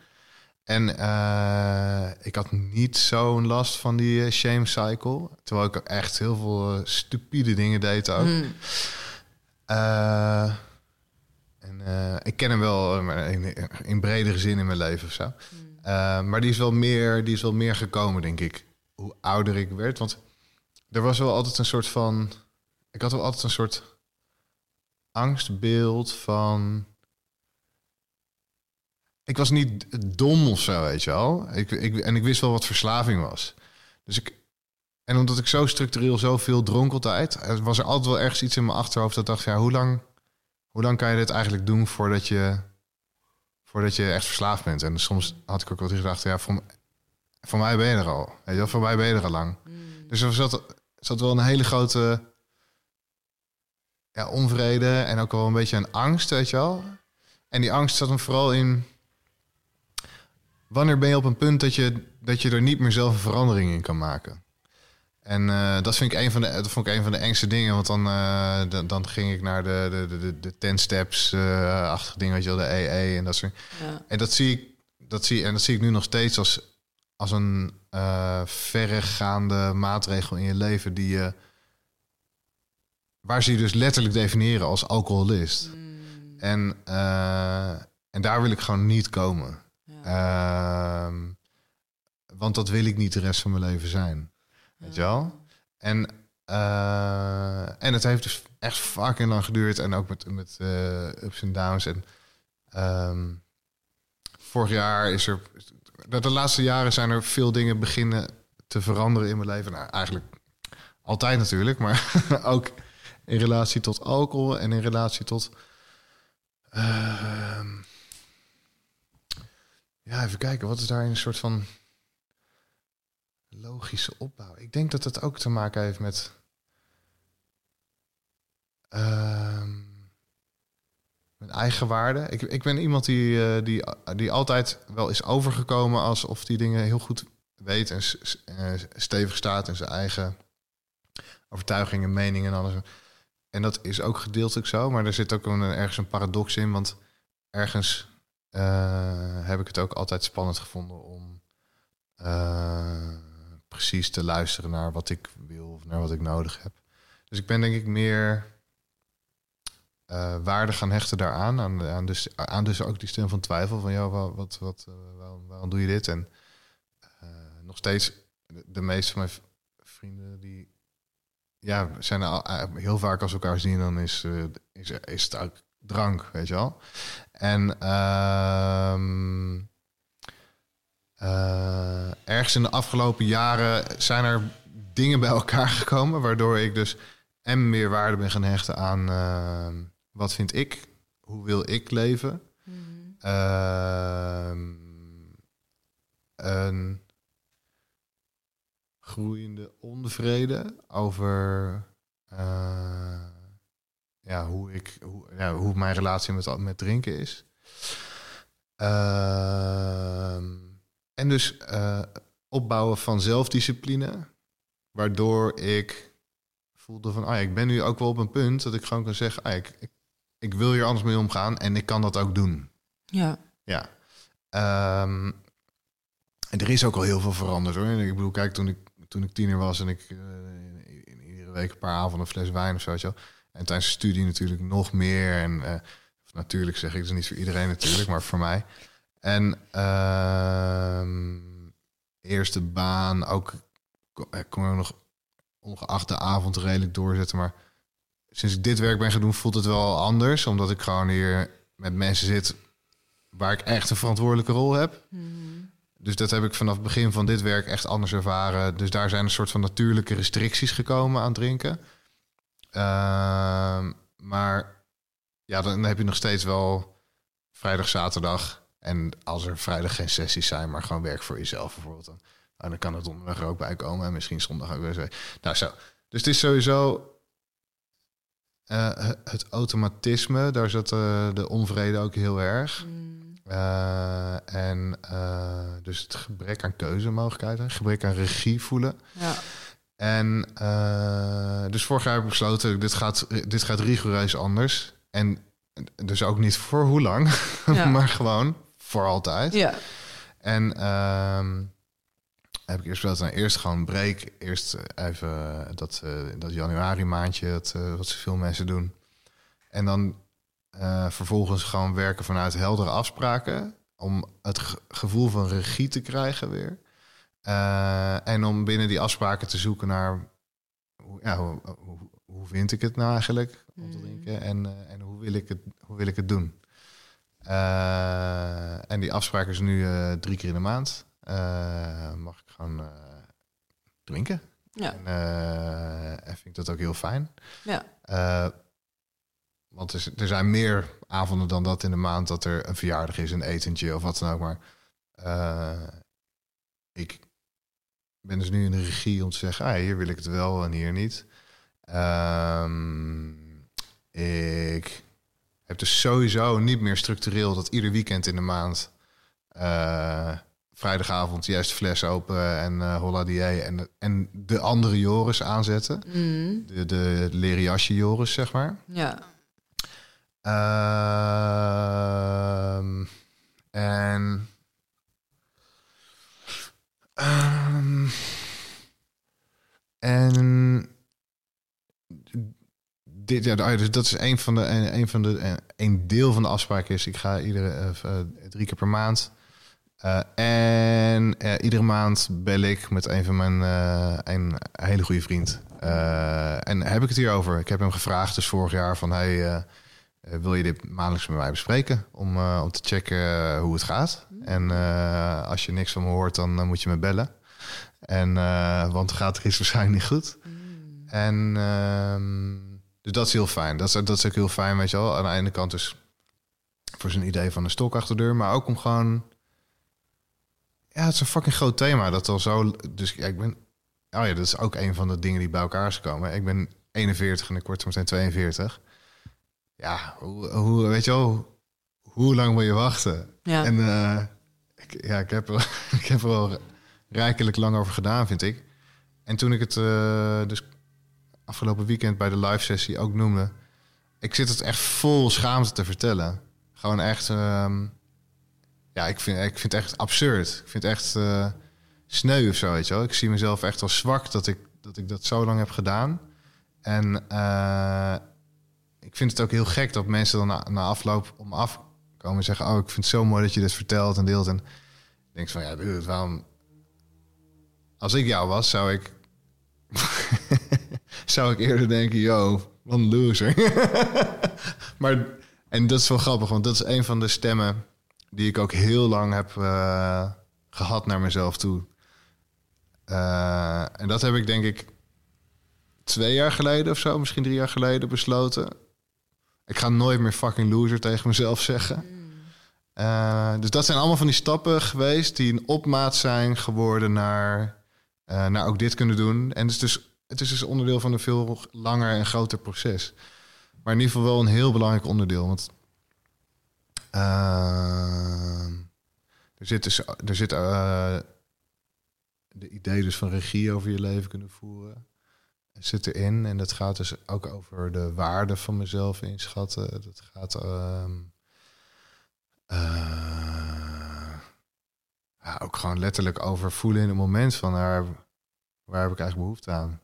Heb ik, heb ik behoefte om naar bed te gaan of om nog een fles wijn open te trekken? Ja. Gewoon dat soort dingen. Gewoon heel, heel basic zit er ook in. En ehm, eh, het- de beleving van plezier. Dus mijn vermogen tot eh, vrolijkheid is veel groter geworden. Ik ben van mezelf een onwijs vrolijk, vrolijk persoon. En ik kan dat echt helemaal... eh, als ik eh, vrijdag, zaterdag twee keer een feestje heb gehad... of een etentje en stevig heb gedronken... Dan, dan kan het letterlijk tot donderdag duren voordat ik weer... op een soort van gezond vermogen tot vrolijkheid zit. Mm. En eh, ja, dat is echt zo zonde. En, ik, eh, en, en dat is voor mij... Dus voor jou zit tenminste heel erg in die shame cycle. En, en voor mij zit hij hem heel erg in, eh, in die vrolijkheid. En die... Ja, ik weet niet, je, je, je, je, je kent me. Je kent, je, je kent mijn springerigheid, mijn vrolijkheid, mijn ondernemendheid. Mm. Eh, ook zo'n podcast gaan maken. Wat weet je, gewoon... ehm, ja, het zijn dingen die ik wil kunnen doen. Ja. Ehm, nieuwe spannende dingen durven ondernemen. Zo gaat er ook, eh, heeft er ook mee te maken. Ehm, zo, waar ben ik?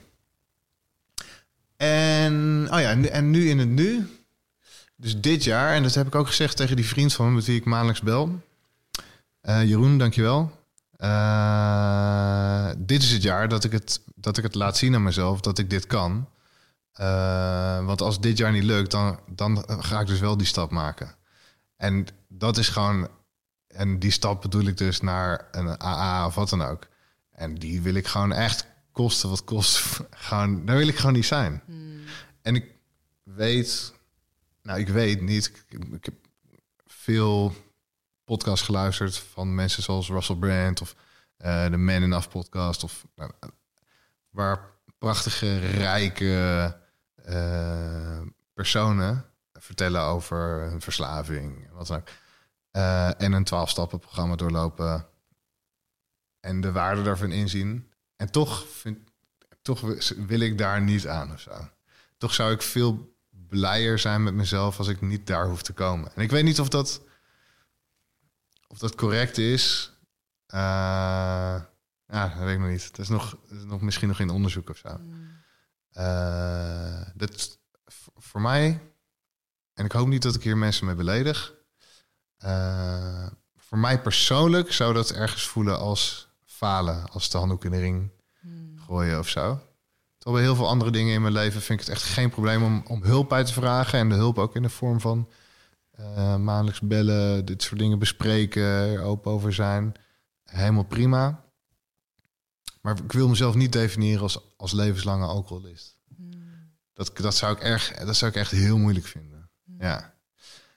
En. Wat, en- is, ja, nee, ja, ga, ga. wat is een alcoholist? Ja, dat weet ik dus, dat weet ik dus niet. Maar ik denk, eh, Maar hoe, ik, je daar- hoe, ja, nou, hoe ik het zie, is denk ik dus... Precies wat ik al een paar keer noem, denk ik, is... eh, dat je niet bij macht bent om de regie te, te nemen. Eh, over dat stuk van je leven in ieder geval. En dat gaat dus ook over iets diepers, denk ik. Is dat je niet bij macht bent om eh, te doorvoelen wat het is waarvoor je dat dan doet.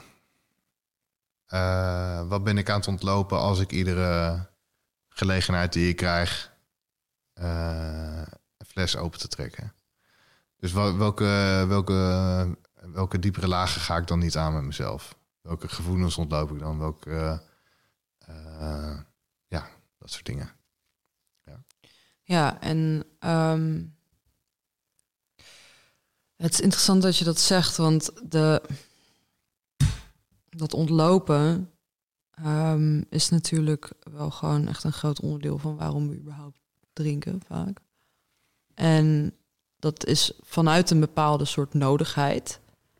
En of on, ja, een, een, een no ja, het is toch een behoefte die vervuld moet worden ergens. Ik, ik heb een gevoel en daar moet ik iets mee. Of je gaat ontlopen of je gaat het aan. En dus het feit dat je dan dat er momenten zijn geweest in je leven waarop je dus niet of de tools had, de kunde had om dus dat gevoel aan te gaan. En dus dan voor de next best thing, which is verdoven Mhm. aan. Ehm, kan je dat vergeven voor jezelf? Oh ja, nee. Ik, ik, Want- eh, ehm, ik, ik denk eigenlijk veel meer over mezelf in het nu. Of zo. Ja, nou, het, het, zeg maar, het En, Het eh, komt en- een beetje en- over alsof je beter moet weten of beter moet Nee, kunnen. nee, kijk, of, en wat- ik bedoel, Wat ik, wat, ik, eh, wat ik zie als ik terugkijk in mijn leven, dan ben ik niet bezig om te veroordelen wat ik toen aan het doen was. ja, Want ik, ja, ik, het is gewoon ook totaal logisch. ja, Ik wil, come on. Jointje roken met je vrienden. Fucking gezellig. Eh, eh, een kratje bier erbij op een gegeven moment. Ja, super leuk. Het wordt gewoon een, een dolle bedoeling. Mhm. Gewoon, en dat, zeker in jeugd is het gewoon, is, is het leven ook zo vrij. En eh, aan de ene kant heb je die klote school, waar ieder kind bijna een fucking hekel aan heeft. En zeker ik. En, eh, en dan heb je daarnaast de totale release van ehm, samen zijn met vrienden en daar eh, helemaal los in gaan. Nou, is superleuk. ja. Eh, dus ik oordeel helemaal niet voor me. Ik heb mezelf daarin vind ik niet vergeven. Ik vind het jammer dat het. Ik vind het jammer dat het zo, zo lang is, doorge, is doorgetrokken. En eh, ik zie wel hoe het. Hoe het me, eh, hoe me dus bepaalde levenspaden eh, heeft geblokkeerd of minder, minder mogelijk heeft gemaakt. Ja, dat zie ik wel. Dus, dus al in, de, in, die, in die jonge fase, bijvoorbeeld, het heeft heel lang geduurd voordat ik iets met meisjes durfde te gaan doen. Of voordat ik een beetje kon inschatten wat, ja, hoe ik daarin stond of zo, weet je, hoe ik in de wedstrijd stond, wat mijn, eh, wat mijn aantrekkingswaarde was of wat dan ook. En ehm, eh, ik denk dat het lang heeft geduurd voordat ik dus ik denk dat het langer heeft geduurd dan nodig om dus het zelfvertrouwen te vinden om bepaalde dingen te gaan doen. En dat, dat, dat gaat eh, studiekeuzes, gaat over eh, banen, wat dan ook, weet je, allemaal dat soort dingen. Dus hoe, hoe helder sta je in het leven? Hoe, eh, hoe goed weet je welke kant je op zou willen en, eh, en moeten? Dat soort dingen. En ik, ja, ik, ik zeg wel nee, maar misschien zit er inderdaad wel. Er zit wel. Er heeft een, een hele grote tijd. Zit die, die, hardheid en in die fucking loser. Die eh, gaat zeker gepaard ook met, de, met dit stuk. Dus ik, ik ben wel heel erg ontevreden geweest met mezelf. Ehm, maar ik denk niet. Probeer ik denk je... ik- ja, ja. Nee, sorry, maak je zin af. Op een of andere manier lijkt het erop dat. Omdat ik ook al heb gezegd: van ja, dat ga ik gewoon niet meer zeggen tegen mezelf. En eh, bepaalde beelden van mezelf heb opgeroepen om handen en voeten te geven aan. Wat wil ik dan niet meer zijn, in ieder geval? In, Weet je wel? Eh, en dus, dus ik weet niet. Ik heb niet het idee dat ik daar dus nog iets heb te vergeven of zo aan mezelf. Ik ben vooral blij met, met de stappen die ik nu maak. En ook in de stappen die ik maak is er nog volledige onvol, onvolmaaktheid. Uh, want ik heb dit jaar ook echt twee keer echt een wijs harde kater gehad. Uh, en ook omdat het dan twee, drie weken heeft geduurd of zo. En dan uh, denk ik, oh yes, let's go. En dus dat is gewoon zoeken. Maar daar, daar geef ik mezelf gewoon wel echt tijd voor. Ja. want ik ben niet, ik ben niet op zoek naar een leven zonder alcohol. Ik vind het. ehm, maar ik ben wel op zoek naar hoe en, en, en dat. Ja. En dat vind ik een. Dat is voor mij een. Op dit moment in ieder geval nog een beter onderzoek dan, dan te zeggen. Ik stop. Of mezelf nog harder nog te definiëren als ja, ik ben alcoholist. Ik, ik, ik uh, kan dit niet. Zo. Ja. Ja. Ja, en dat. Um... Er komt dan weer dat beeld van wat heb je voor beeld van jezelf? Wie ben jij? Ja. En um, is dat een vraag bij jou af en toe? Nou, Van, wat, weet, weet dus, je wie jij bent? Wat ik dus weer meer, ik kom bepaalde delen dus weer meer tegen van mezelf. Ja. Dus uh, die uh, de vrolijke, energieke, weet je wel. En, uh, ja, en ik zei ook al, ik noem het ook al even squash. Je, je, weet dat ik squash onwijs leuk vind. een hele fijne uitlaatklep. En uh, ik vind het niet erg om te verliezen ook. Als mijn tegenstander ook beter is, weet je wel. Ik vind het wel vervelend om te verliezen als ik merk dat ik mezelf in de weg zit op een of andere manier. En uh, ik zit mezelf eerder in de weg na een weekend uh, ongezond leven. Mm. Uh, dus eh, ik sta nu anders op de baan. Nou, nu al een paar weken niet, omdat ik mijn kuit heb gescheurd. Maar mm. ik sta nu anders op de baan. Ik, ben, ik sta veel meer aan. Ik sta ook daar. ik sta altijd vrolijk op de baan, vrijwel altijd. Maar ook daar nog meer vrolijk. En dat, ja, ik weet niet. Dus het heeft een hele gezonde werking op wie ik ben en hoe ik mezelf zie. Uh, meer durf, meer vrolijkheid.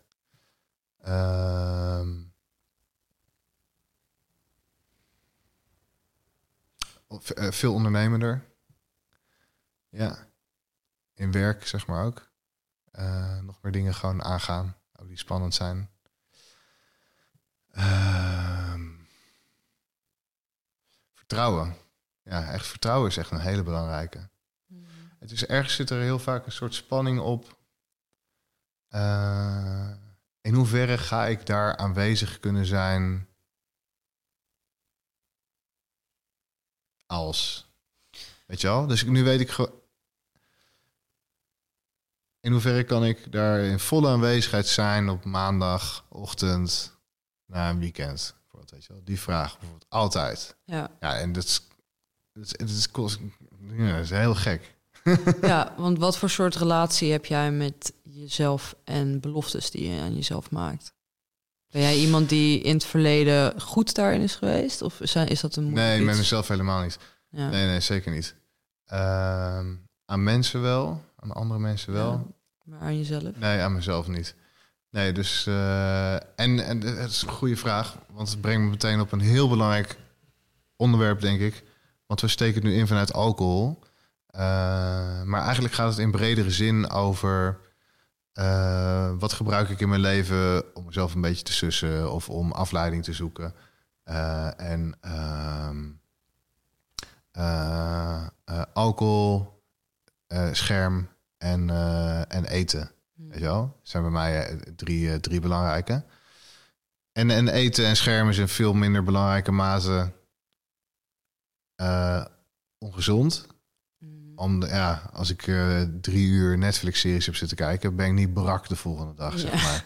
En dan heb ik niet nog drie dagen lang dat ik uh, verminderd gewoon presteer. Dat ik uh, meer moeite heb met mezelf bij elkaar rapen en gewoon weer moeilijk, moeilijk offerte schrijven, wat dan ook. Ja. Nou ja, maakt in principe niet zo heel gek voor uit. Het is, het is onhandig als ik van 10 tot 1 uur s'nachts nog dat ga doen. Ja. Terwijl ik ook gewoon lekker met Mer naar bed kan en we dan een eh, veel fijnere relatie hebben. Ja. En eh, dat is dus wel grappig. Dat hebben we dus ook dit jaar besloten. We gaan door de week gewoon eh, ergens tussen 8 en 10 s'avonds naar bed. Weet je wel, punt. Want na, na de tijdstip gebeurt er nooit iets interessants. Weet je wel, zitten we boven of toch nog een beetje te werken... of nou, in ieder geval naar een scherm te kijken. Weet je. Ja. Of een serie te kijken, film te kijken. Eh, ik zit vaak te gamen. Eh, ook, ook echt niks mis mee. Vind ik hartstikke leuk. Zou ik altijd blijven doen. Eh, maar het gaat vooral daarin ook om begrenzing. En ook met eten gaat het ook heel erg om... ik kook heel gezond. maar alles wat daar buiten valt... ja, dus dat zijn ook, dat zijn ook volgende stappen. En ehm, daar heb ik ook heel veel zin in. Ja. Daar heb ik heel veel zin in. Om, om verder te bouwen aan, aan dat eh, vermogen tot regie voeren over je eigen leven. Ja. Ja. Ja, want eigenlijk is het dus een. ehm, ja, dat zeg je eigenlijk al. En het is, dat, is, dat is gewoon zo. Het is niet alleen maar je relatie tot alcohol. Het is je relatie tot je mate van aanwezig zijn in je eigen leven. Ja, ja precies. En, en, en dat was eh, heel grappig. Ook een aantal weken geleden. Eh, ja, zat ik gewoon heel erg te zuchten en te steunen. eh, mentaal. Ik zat echt te worstelen met een paar dingen. En ik snapte niet zo goed wat. En het was weekend en er was al een, er was al een vrijdagavond voorbij gegaan zonder drinken. Nou, heel ongebruikelijk voor mijn eh, eerdere leven, zeg maar, weet je wel. En het was al, of het was al op zo'n zondag of zo. Ik weet niet, ik weet niet meer. Maar, Ehm, dus er waren in ieder geval allerlei gelegenheden geweest waar ik maar normaal niet op dat punt was gekomen. Dat iets zo kwam bovendrijven dat ik er iets mee wilde doen. Eh, dat een, gewoon een levensthema zich zo aandient. Zo, hop, hier, je bent hier, mee- hier ben je mee bezig. Ik denk dat ik daar ook aan probeerde te refereren... net toen ik het had over jong zijn en met meisjes bezig zijn. Weet je wel, sommige dingen horen bij bepaalde levensfases. En ik denk dat ik een, een paar van die dingen een beetje heb gemist... eh, omdat ik met iets anders bezig was. Omdat ik ook mezelf aan het verdoven was... en mezelf gedeeltelijk buitenspel aan het was. En dus nu merk ik ook van, oh ja, daar, er komt gewoon een veel helderder bewustzijn op. Wat, waar sta ik nu eigenlijk echt in het leven? Eh, welke thema's spelen nu? Gewoon van nature, omdat ik in, hier sta, weet je wel, ergens in de 40. En eh, wat past er bij mij? En eh, nu is er dan meer ook de ruimte om daarin te duiken. En eh, ja, dat is, ah, dat is heel fijn. Want dat, dat, is, dat is dus heel helpend ook aan het creëren van een consistent zelfbeeld. Ehm, ja. Mooi. Mhm. En ehm,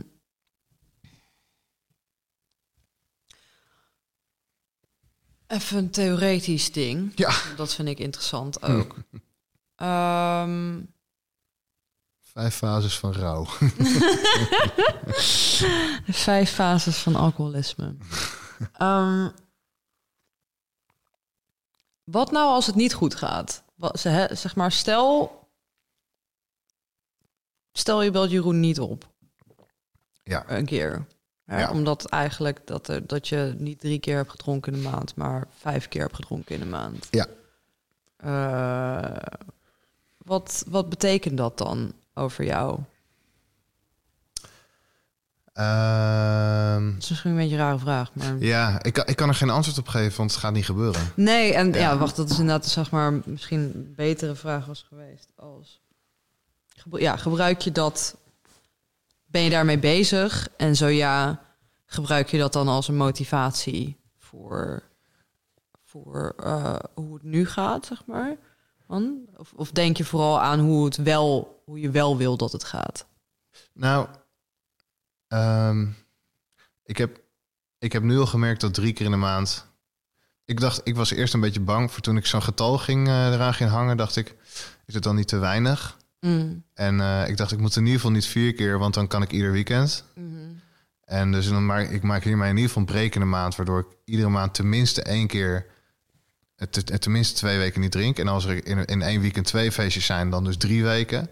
En dat, nou, dat is voor mij een hele lange tijd. Klinkt misschien Ja. Piet Luttig, maar het is zo. En ehm, ik ben er al heel snel achter gekomen. En het is niet te weinig. Het, is, het, het zou eerder nog te veel zijn. En ik weet nu al zeker, ik ga nooit meer, het gaat nooit meer meer worden. Mm. Daar, dat voel ik gewoon heel duidelijk. Ja. Eh, enige uitzondering is, is eh, vakanties. En eh, ook ik ben vijf weken op, op reis geweest met Merle. Maar daar hebben we misschien één avond of twee avonden wat, wat harder doorgezakt met z'n tweeën. En verder wel bijna iedere dag bij het eten een drankje of twee of drie. En dat voelt ook heel anders of zo. Dat voelt als passend bij het wat je aan het doen bent. Maar als ik hier in mijn ja, dagelijkse werkende leven is dat, iets, is het heel anders. Dus dat is ook nog een, eh, een toevoeging aan de, de regels, zeg maar. Ja. Ehm, maar dus ik weet niet helemaal of het helemaal antwoord is op je vraag. Maar in ieder geval, ik voel nu al Ja. drie keer Ja. top. En misschien is- wordt het wel minder. Ja. Ja. Ja. ja. En in ieder geval de, de mate waarop ik dan die drie keer denk... dat is nog heel erg zoeken naar... eh, ja, hoe wil ik dat doen? En, en hoe, eh, hoe luister ik naar mezelf? En ehm, ja, dus dat is, nog- dat is nog geen onderzoek. Ja. Maar dat is prima. Ja, maar dat is ook wel mooi. ehm, ja, gewoon een heel mooi identiteitsdingetje dan uiteindelijk toch. van, Ja, ik weet wie ik ben. Ja, Ik ben iemand die drie keer in de maand een keer drinkt. ja, En, Ja. eh, en als, je dat, als je dat duidelijk hebt voor jezelf, van dit, hier voel ik me prettig bij, dit is dit makes sense to me, eh, dan, dan ja, dan, ik denk dat dat een mooie balans is. ja. En zeker ook een goed systeem, als je dan inderdaad met iemand gewoon accountability afspreekt. Van nou, ik bel jou elke maand hierover. Als ik jou niet bel, dan. eh, Ring the alarms! Sunday alarms! ja, mooi. ja. Ehm, ja, is er, heb, heb ik, bedenken of ik nog een, een vraag heb verder Ja. daarover. ik, weet, ik, weet, ik, weet, ik weet, ik ben benieuwd. Want we hebben het natuurlijk dan over die kwetsbaarheid gehad en we hebben het over het schild gehad. En je hebt daar laatst ook nog even iets over gezegd eh, bij de live-opname. Ehm, en eh, hoe heeft, hoe is jouw relatie met kwetsbaarheid veranderd? Mm, Want eh, ja, die, die, ehm, niet eens niet heel veel door deze beslissing. Maar de afgelopen eh, tien jaar heel veel. mm, Of langer. Door dit werk te gaan doen. En dus eh, heel veel opleidingen en, en, soorten scholing en intervisies waar je, waar je eigenlijk continu bezig bent om jezelf nog weer beter te leren kennen, om eh, te snappen waarom bepaalde trajecten lastig gaan, eh, wat je daar dan dus in je, van jezelf in tegenkomt meestal. Ehm, en dat is één groot eh, pad richting gewoon meer open, meer, meer kwetsbaarheid. Maar dat is, dat is wel grappig, want alcohol is dus ook een, eh, is ook een eh, weg naar meer kwetsbaarheid. Eh, alleen een andere weg. En een, ehm, eh, dus in, op een avond met vrienden na een paar drankjes zijn we vaak meer in staat om kwetsbaar, ons kwetsbaar op te stellen, om dingen te zeggen die we moeilijk vinden of waar we verdrietig over zijn. Ehm, eh, dus daar zit ook weer soms ook een, ook een mooie kant. En, en ook dus weer een grens staan, weet je wel. Dus ook als alcohol de enige, als met alcohol het enige moment in je leven dat je dat kan doen of zo, is dat ook weer niet, is dat ook weer jammer. Dan mis je iets. maar eh, nee, daar ben ik, daar ben ik best wel soort van wel bespraakt in geworden. in kwetsbaarheid. En ehm, ja. Ehm, ik zit te denken of dat dan wel. Ik denk dat het er, wel, dat het er zeker aan bijdraagt dat ik wel zo'n beslissing ook weer kan nemen. ja. Ehm, ja. Ja, want ja, want het is, want ik, ik, ik, ik, durf het ook tegen Merle te zeggen, bijvoorbeeld, weet je wel, dat ik dan mee bezig ben, dat ik dat ga doen en hoe ik ermee zit.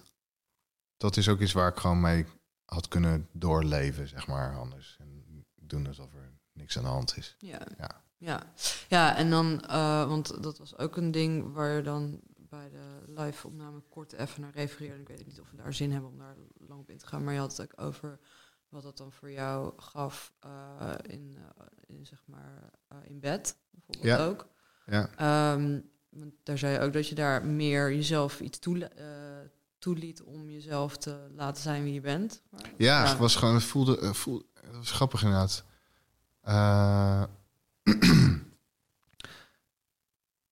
Waar, waar dat inderdaad dus een van de dingen was waarvan ik dacht, oeh, ja, spannend.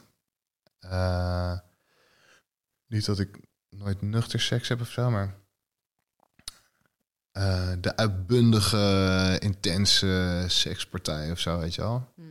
eh, zijn toch vaak dan niet nuchter. En, en nu kom ik er juist achter dat het ook andersom is. Dus dat, je, dat ik dus juist door meer nuchter te zijn... op een of andere manier in bed meer mezelf ben... en meer van mezelf laat horen, letterlijk. En Mhm. eh, ja, het is- dat, is- dat is eh, een verrassing. Ja, Ja, ja. mooi. ja. Ja. Ja, ik denk dat dat ook wel een. eh, ik merk dat dat bij mij ook nog wel een ding is, zeg maar, nuchter seks hebben. ja. Dat is voor mij sowieso de. Ik heb al, ik heb al met mensen het bed gedeeld sinds ik eh, nuchter ben, ja. maar eh, nog niet op zo'n, weet je wel, ik, niet in een langdurige relatie. Ja. Zeg maar, like een Ja. one night stand is een eigen soort van Ja, ja, ja. intoxication, zeg maar. Ja, ja, ja. Daar heb ik er wel genoeg van gehad. maar daar, het is een heel ander, ander niveau natuurlijk als je echt eh, met iemand ehm, eh, ook al, een soort van bestaande relatie hebt en daar dan weer een ander patroon in krijgt. Als je ja, als er één deel van jezelf verandert, dan veranderen er heel veel delen met je mee. Ja. Ehm, Ja, en dus ook. En, en, en, en eh, met Merlin is natuurlijk ook altijd de vraag: ja, en, eh, hoe verander je ook samen als een van de twee verandert? En ja. zij staat natuurlijk ook niet stil in haar leven. Zij is ook. pff, shit, het laatste eh, jaar of twee, weet ik wat. Ja, natuurlijk constant in verandering. Dat is iedereen maar ook super vette stappen aan het maken. En eh, ja, dus ik, ergens komen we ook samen weer bij elkaar vanuit zo'n soort van eh, weer net gezonder versie van, onze, van onszelf of zo. En, Mm. eh, ja, dus dat is mooi. ja. Ja. Ja. En ehm, is er nog iets wat jij, wat jij waarvan je had gedacht van, oh, dat is een vraag die ze gaat stellen, maar die ik nog niet heb gesteld? Nee, Nee. mij niet. Nee. Nee. Hebben we nog tips? Zullen we tips doen? Zullen we tips doen? Ja. Eh, ten eerste even als tip, vraag hulp. Als je ergens last van hebt, vraag hulp. Ja, Maakt niet uit aan wie, vraag hulp. ja. Het is niet erg, vraag hulp. Gewoon. Ja, of, en, en misschien als dat wat te groot voelt, eh, bespreek het gewoon. Ja. En ehm, Gewoon Dus- geef toe dat je ergens last van hebt. ja, Ik vind dit moeilijk. ja. Ik, eh, ik, merk, ik merk dat ik hiermee in de ik, knoop zou, zit. ik zou dit eigenlijk wel net anders willen Ik zou doen. dit anders willen. Ik weet niet zo goed hoe ik het wel wil doen, maar ik zou het Ja. anders. Gewoon, het is niet een, een teken van zwakte om aan te geven dat iets niet helemaal loopt zoals jij wil. En Ja. dat jij nog niet helemaal in een positie bent om daar eh, al meteen iets aan te veranderen. Eh, dus dat, dat is een hele praktische ding. En ehm, ja, wat, ik- eh, wat ik dus zeg, ik denk, eh, kijk naar. Ja, kijk, kijk naar de mate van waarin je aanwezig wil zijn in je leven. Ik denk dat dat voor mij ook wel echt een heel belangrijk iets was. En dat hoor ik jou nu ook eigenlijk al Mhm. een paar keer zeggen. Is, Ja, en, ik, en een andere tip die ik, die ik uit jouw verhaal hoor, is eh, hoe, hoe reageer je als iemand vraagt? Oh, je geen drankje? Dus wat jij zegt is, nee, ik drink niet. ja, Punt. Dus punt. maak zo'n heel No makkelijk argument. zinnetje, weet je wel, als je iets wil veranderen. Dat is gewoon zo lekker. En eh, ik verwijs ook graag naar eh, Eline, Eline van Klinken. Ja, pak je fris. Pak je fris op Instagram en de website komt er ook aan. Zij doet ehm, programma's van de maand. waar ze met een groep mensen die allemaal besluiten om een, eh, om een maand niet te drinken, om hun relatie met alcohol te, te onderzoeken. Ehm, we zullen ook van haar verwijzen in de, in de show notes. Zeker.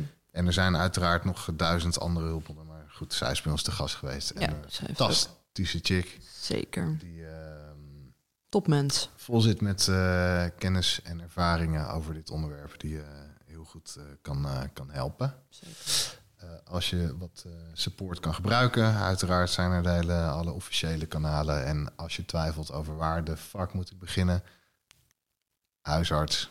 Ja. Dat is in Nederland ook altijd een goeie. Huisarts inderdaad. En, ehm, en, en nogmaals, het hoeft niet meteen te zijn... ik, ik, eh, ik heb een probleem. Soms kan het gaan zijn, ik weet Ik niet wil wat... iets anders. Ik wil iets anders. Ja. Ik weet niet wat, maar ik wil iets anders. Ja, dus ik ben niet tevreden, kan ook zijn. Ja. Ik, je hoeft niet meteen te zeggen, ik heb een probleem. Je kan ook zeggen, ik ben niet tevreden. Ja, Gaat niet, gaat niet zoals ik wil. ja. Of, je kan zeggen, ik wil meer tevreden zijn. Ik wil meer tevreden zijn. Ik wil godverdomme meer tevreden zijn. Geef me meer tevredenheid.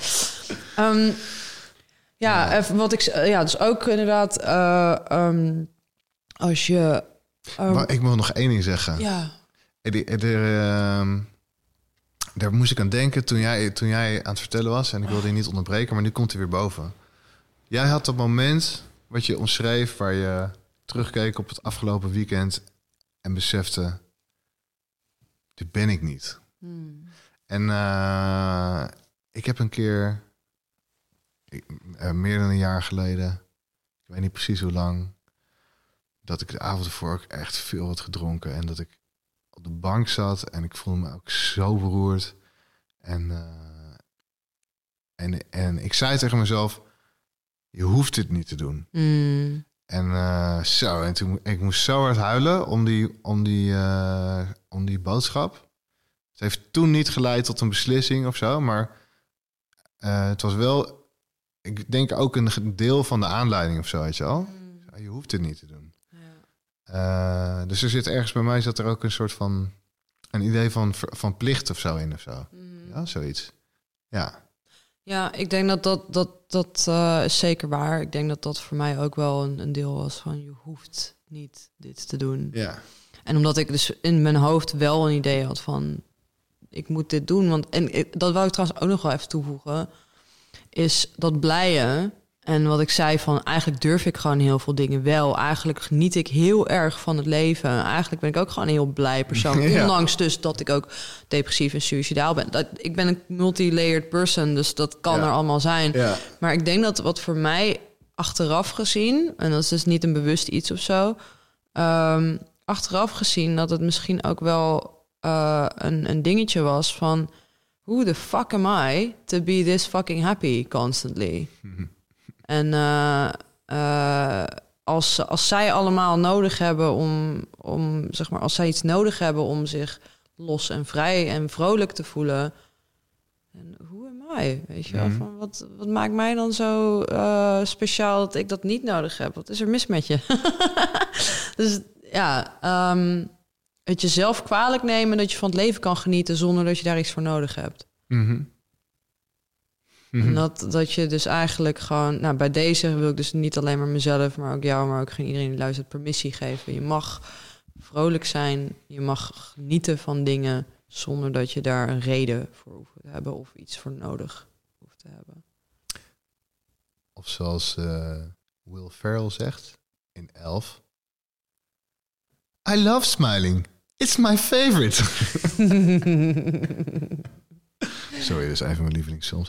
Ehm, ja, nee, maar ja, dus, dus ehm, ja. Hebben we verder nog iets wat we willen zeggen hierover? ik, eh, ja, vast wel als we heel hard gaan eh, zoeken. En er zijn nog allemaal, allemaal losse eindjes waar ik nog in kan. Maar ik denk dat we wel een redelijk, eh, ja, we, z- redelijk, we zitten op een, een goede tijd. ja, Ja. Redelijk be- beslag leggen weer op de tijd van de luisteraar. Alle wasjes zijn ondertussen opgehangen, gestreken, gevouwen, in de kast gelegd. De hond heeft zijn brokjes gekregen. De, de waterbak van de hond is eindelijk een keer We schoongemaakt. zijn eindelijk thuis van die reis van Nijmegen naar... eh, wat, hoe, lang is de, hoe lang is een aflevering? Salbommel. Nij, Nij, Nijmegen naar... eh, ja, wel, wel naar Amsterdam, denk ik. Zoiets. Nee, ja, Anderhalf wel. uur, zeker. hoor. Nee, nee, nee, dat is echt. Nijmegen-Rotterdam, denk ik. Nijmegen, Rotterdam. Zoiets. Onze, onze aflevering zijn Nee, Nijmegen. nee, Rotterdam. je kan gewoon... Nee, ah, Nijmegen, Rotterdam is echt, echt drie uur bijna. hè? Echt? Je Ja. kan, je kan, voor mij kan je gewoon naar, eh, naar Antwerpen rijden. Vanuit Utrecht. Ja. Heb je aflevering. Joh, staat jezelf gewoon toe. Lekker naar Antwerpen. Ga je eten bij Sergio Hermans. Dan eh, drink je even lekker een pintje. Een pintje. Bolleke. Balken. Lieve schulpdieren, eh, bedankt eh, dat jullie eh, hier naar wilden luisteren. Ja. We zijn uiteraard onwijs benieuwd naar jullie ervaringen. Hoe is het met jullie relatie met, al- in jullie relatie met alcohol?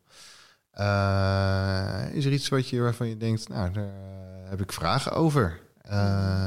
Stuur een bericht. Mag aan, aan, aan onze DM, zeg maar. Maar mag ook, E-mail. het mag ook via de mail, maar mag ook in het openbaar, als je dat durft. Waar, zodat mensen erop kunnen reageren. Ja. Heb je nog suggesties voor eh, nieuwe gasten bij onze podcast? We Of wil je zelf te gast of komen? wil je zelf te gast komen? Eh, we zoeken een zo groot mogelijke diversiteit aan mensen, mannen, vrouwen, From oud, all walks of jong, life. From all walks of life. Eh, we hebben lichtelijk overaanbod gehad wat ons betreft aan, eh, aan, eh, aan, aan coaches en, eh en andersoortige mensen zoals ik. en, eh, dat Moeten meer allemaal- mensen zoals ik hebben, de rando's. De rando's. Het is allemaal helemaal fantastisch, maar we zoeken ook de wetenschapper, de ondernemer, de advocaat, voetballer. de timmerman, de timmervrouw, eh, de, voetballer, brandweerman. de brandweervrouw Vrouw. en eh, de ambtenaar. Eh, het maakt niet uit, weet je wel. Iedereen heeft eh, te maken met eh, uit de schulp komen. Dus ehm, eh, hopelijk voelen jullie allemaal welkom om Ja. hier bij ons aan te schuiven. Ja, want wij vinden het ook hartstikke fijn om hier mensen te gast te hebben die durven om zichzelf te laten zien. Dat is aan zich al echt een, een schulp, uit je schulpmoment. Ja, En ja, het verhaal doorgeven is eh, zo, zo mooi iets wat wij mogen doen. ja. Dus dat doen we graag. Dus als je wil komen of je kent iemand die eh, uit zijn schulp is gekomen en die een spotlightje verdient, dan schijnen wij graag onze spotlight op die mensen.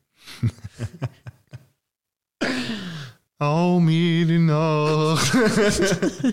Schuine lig je op mij. Ja, ik weet niet waar dit vandaan komt.